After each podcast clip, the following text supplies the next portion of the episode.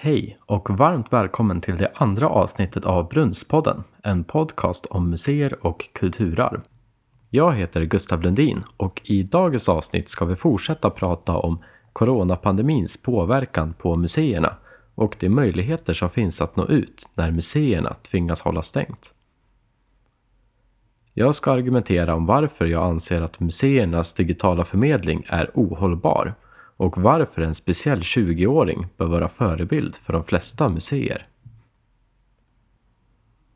Vi spelar in den 28 januari 2021 och när vi spelar in har 11 500 personer i Sverige konstaterats avlidna i covid-19 vilket är en oroväckande ökning om 3 000 personer sedan vårt senaste avsnitt för knappt sju veckor sedan.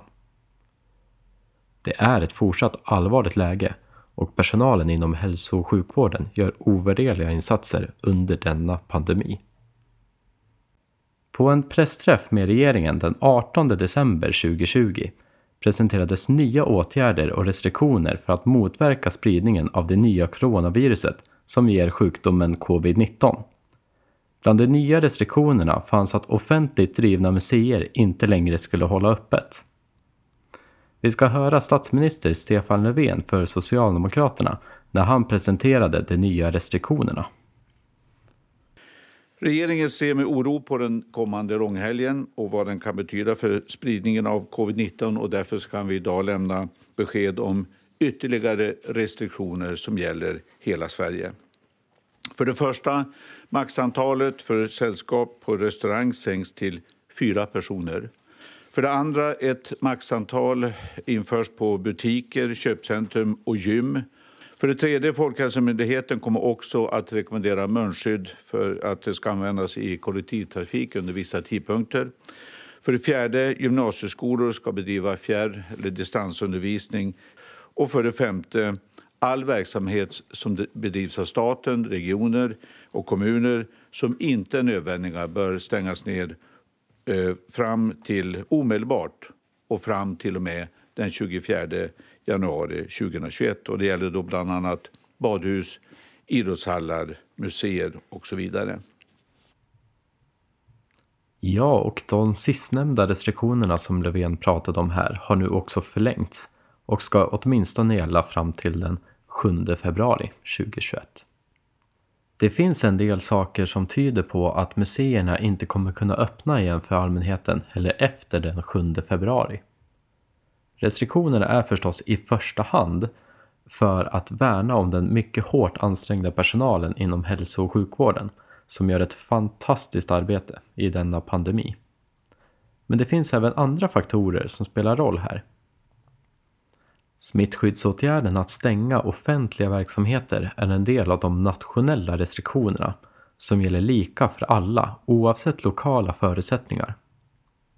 Sådana lokala förutsättningar är ju dels situationen med smittspridning i den egna regionen men även om den egna museilokalens utformning och möjligheter att hålla avstånd. Stängningen gäller offentliga verksamheter som inte anses helt nödvändiga i en pandemi men det är ju inget som tyder på att museer i sig är mer riskabla som platser för smittspridning. Det var redan tidigt i pandemin som museerna själva ställde in vernissager och programverksamhet som samlar större mängder besökare vid samma tillfällen.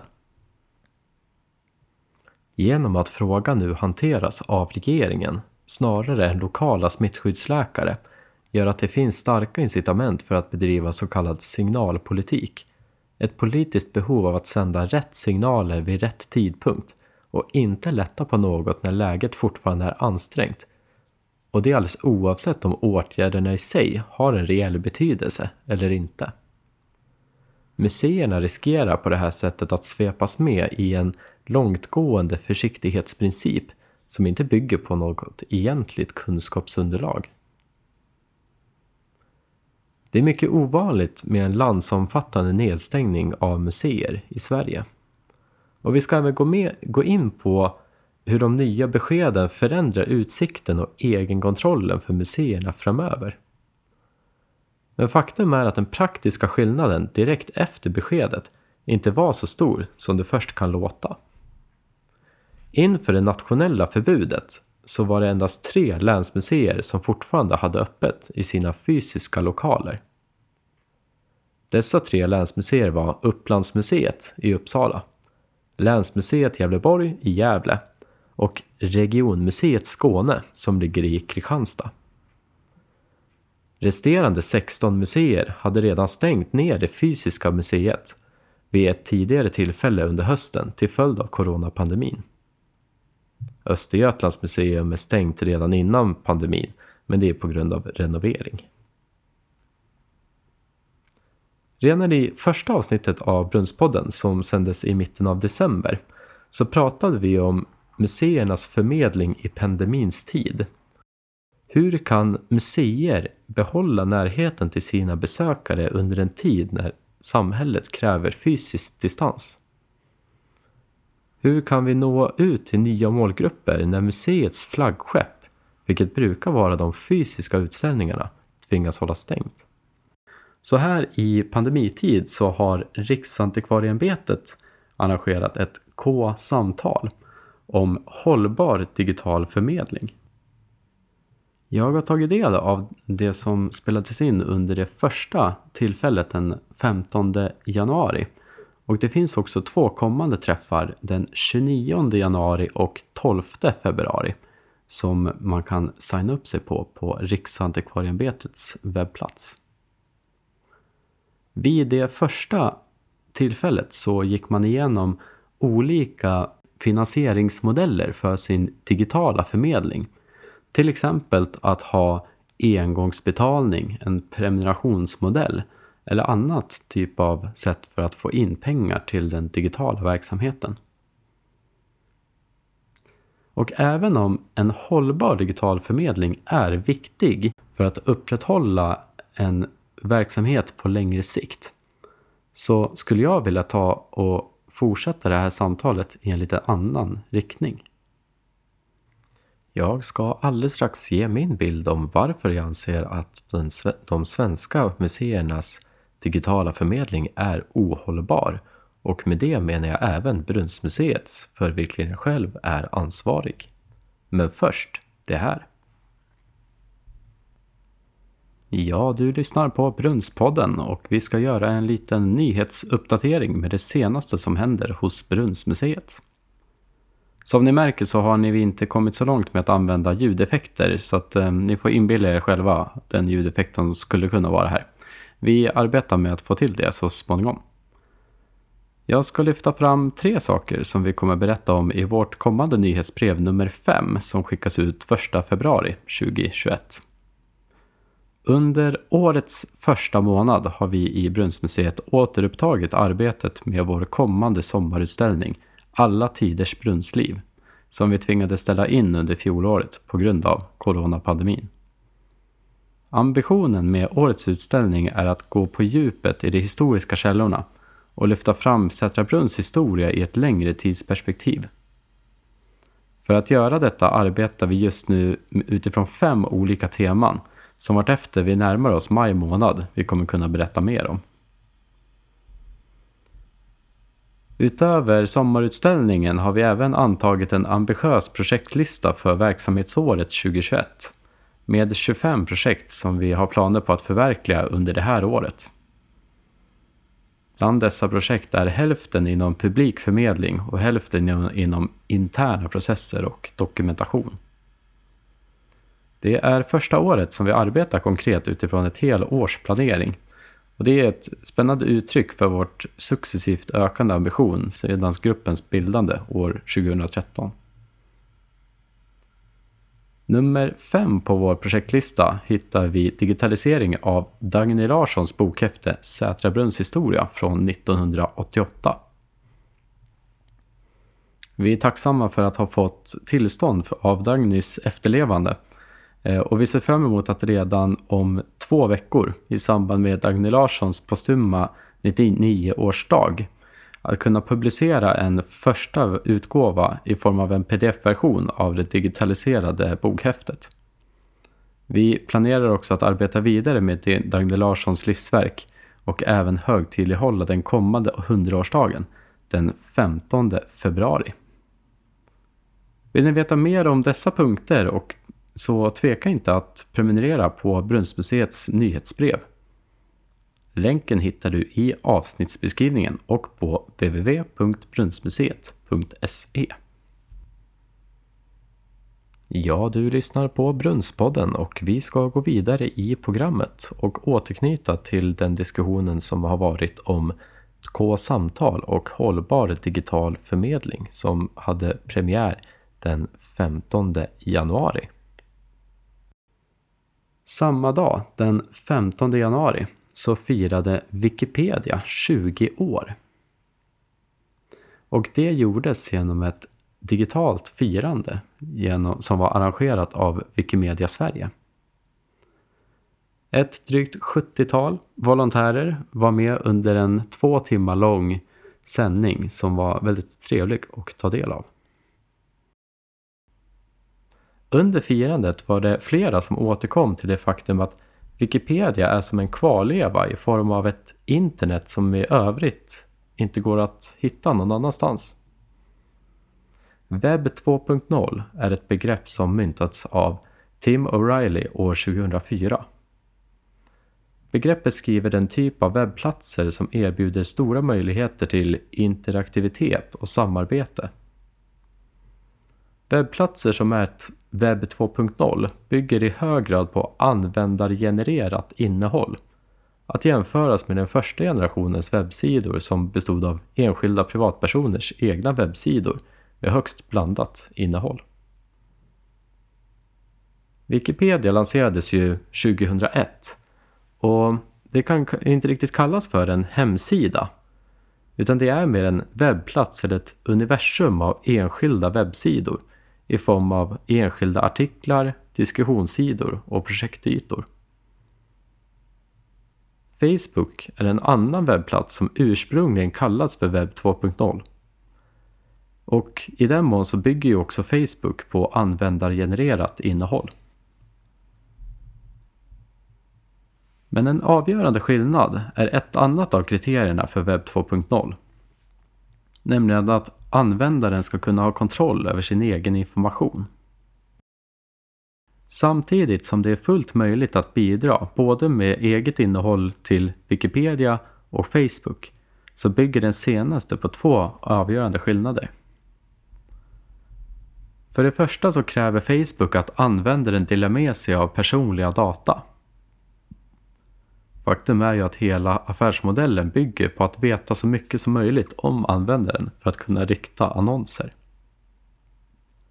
På senare tid har Facebook också i flera steg urholkat möjligheten att välja vilka data som delas med Facebook. Det är inte möjligt att ha fullständig kontroll över sin egen personliga information när man använder Facebook. Detta till skillnad från Wikipedia som inte kräver att användaren ska lämna ifrån sig någon egen personlig information. För det andra så är Facebook inte ett öppet forum. Har du någon gång testat att besöka en sida på Facebook utan att vara inloggad? Det är förvisso fortfarande möjligt att se innehåll på en offentlig sida men det är en riktigt usel upplevelse där man i varje steg hejdas och ombeds att bli en del av Facebook och ha ett eget konto. På, på Instagram är det överhuvudtaget inte möjligt att visa inlägg utan att först skapa ett konto. Det står i skarp kontrast till Wikipedia som erbjuder alla läsare utan propåer att man måste registrera sig och skapa ett konto. Utifrån hållbar digital förmedling. Vad är det egentligen som är hållbart med ett sätt som museernas förmedling sker idag? Museernas förmedling har ju genom pandemin kommersialiserats genom att i hög grad vara beroende av Facebook och Facebook-ägda Instagram. Det är ett innehåll som genererar intäkter genom annonsering, tillfaller inte innehållsskaparen utan plattformsägaren. Innehållsskapare får snarare betala extra för att nå ut med sitt innehåll genom riktad annonsering på plattformen. I den verkliga världen så skulle det vara väldigt kontroversiellt om museerna valde att endast förmedla sina samlingar för samma slutna sällskap hela tiden. Ändå är det på sätt och vis precis det som sker när museer lägger det mesta av sin tid på att producera innehåll på Facebook och Instagram. Snarare än att jobba för en ökad tillgänglighet digitalt genom exempelvis sin egen webbplats så väljer vissa museer att länka tillbaka till den slutna plattformen och hänvisa besökare dit. Vad är det som är hållbart med det? Trodde du att innehållet är tillgängligt för den som av olika anledningar valt att stå utanför plattformarna så behöver du tänka om. Man kan säga att det finns två sidor av internet som by båda bygger på webb 2.0. Jag skulle vilja benämna dessa som det naiva internet och det kommersiella internet. Wikipedia är idag den främsta och största företrädaren för en ganska naiv och charmig tanke. Att hela världen ska ha fri tillgång till hela världens samlade kunskap. Denna ambition har också gjort att man har valt en finansieringsmodell som bygger på frivilliga donationer. Det är ju vad museerna bör verka för. Fri kunskap snarare än låst förmedling. Museerna bör inte ha Facebook och Instagram som tyngdpunkt i sin sociala mediestrategi. Det kan finnas där, de har en roll, men utan att för den skulle vara exklusiva och producera innehåll för specifikt de plattformarna. Till viss del kan ju museerna kompensera detta, denna inlåsningseffekt genom att producera innehåll som görs tillgängliga på andra plattformar som är mer öppna exempelvis Youtube, där man kan se innehåll utan att vara inloggad. Samtidigt så tror jag att det är nödvändigt med andra alternativ. Jag som är ansvarig för att producera innehåll till Brunnsmuseets sociala medier ser det som väldigt problematiskt att vårt arbete med sociala medier inte blir allmänt tillgängligt och vi tittar på olika alternativ att göra våra inlägg tillgängliga för alla på ett sätt som är hanterbart för oss. Då ytterligare, ytterligare plattformar riskerar att ta ännu mer tid i anspråk och detta liksom allt annat görs helt ideellt. Vi hoppas hitta någon form av lösning genom att per automatik kunna publicera nya in inlägg eh, så att de blir direkt tillgängliga på ett sätt som inte kräver någon inloggning eller registrering. Är det fler som har tankar till, kring detta så välkomna att höra av er. Kontaktinformation finns också i avsnittsbeskrivningen. Det handlar delvis om att välja förebilder. Istället för att anpassa budskap och utforma innehåll som passar bra för Facebook. Tänk istället om innehållet skulle passa för Wikipedia. Vad är det för typ av innehåll som skulle funka för Wikipedia. Det är innehåll som är kvalitativt, välbearbetat och har en fri licens. Det var allt för idag. Tack för att du har lyssnat. Tills dess att vi hörs igen så ska vi tänka på att fortsätta hålla avstånd till varandra för en bättre morgondag. Vi ska också hörsamma kung Karl XVI Gustavs förmaning ur sitt jultal 2020. Och kom ihåg, håll i och håll ut.